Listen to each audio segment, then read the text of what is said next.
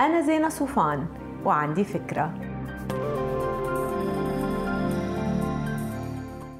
هاي أنا زينة صوفان. بدك إنه كل يوم من أيامك يصير على أفضل وجه رغم المصاعب والتحديات. هاي شوية أفكار بسيطة ومجربة إن شاء الله تساعدك تخلي نهاراتك على أفضل ما يكون.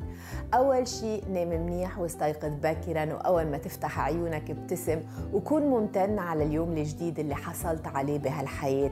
وعلى الصحة الجيدة والنعم الكتيرة يلي مننسى وجودها ومنعتبرها مرات كأنها تحصيل حاصل. تاني شيء بدل ما تفوت أول شيء الصبح على إنستغرام أو واتساب وتستنفذ جزء من قدراتك الذهنية بلا طعمة القي نظرة على جدول النهار تبعك. حدد أولوياتك بالشغل وبعد الشغل. طبعا في أمور بتكون مستعجلة أكثر من غيرها لكن الجدول المنظم هدفه إنه ما نقضي أيامنا نحن وعم ندير أزمات. قسم إدارة الأزمات على أيام الأسبوع واحرص إنها ما تجي على حساب الأشياء المهمة يلي أنت ناوي إنك تحققها بهالمرحلة من حياتك.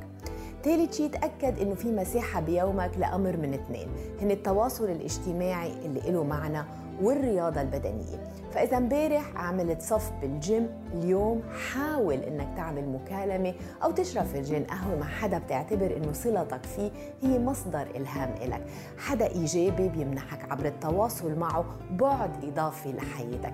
ما تستهون بتأثير العلاقات الاجتماعية الصحية على أمزجتنا وسعادتنا وتفاؤلنا. رابع شيء حرص على إنك تعمل لفتة إنسانية وحدة ولو صغيرة تجاه حدا حولك. كل يوم صبح على بواب عمارتك اسأله عن ولاده واسمعه لما يجاوبك أو عروض مساعدتك على شخص مسن حامل أغراض كتير بالمصعد. أو حتى عاطي حبة شوكولا لعامل نظافة بمكتبك. خامس شيء ولما ترجع على بيتك حاول كل يوم ترتب ولو درج صغير أو رف بخزانة كل ما خففنا كراكيب حولنا كل ما خفت كراكيب راسنا. سادس شيء تأكد أنك تقضي شوية وقت مع حالك ومع أفكارك كل يوم. ممارسة التأمل سواء بأول نهار أو بآخره تمرين ثبتت فوائده الصحية والنفسية الجمة والسابع شيء أكيد اختم نهارك مع أبطال الرواية أو أفكار الكاتب يلي حاطط كتابه جنب سريرك. وخليهم يمنحوا لحياتك منظور جديد ويفتحوا بعقلك قنوات جديدة.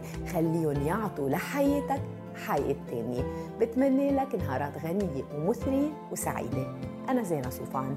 bye ما تنسوا تعملوا download للفكرة تعطوها rating وتساعدوني بنشرها bye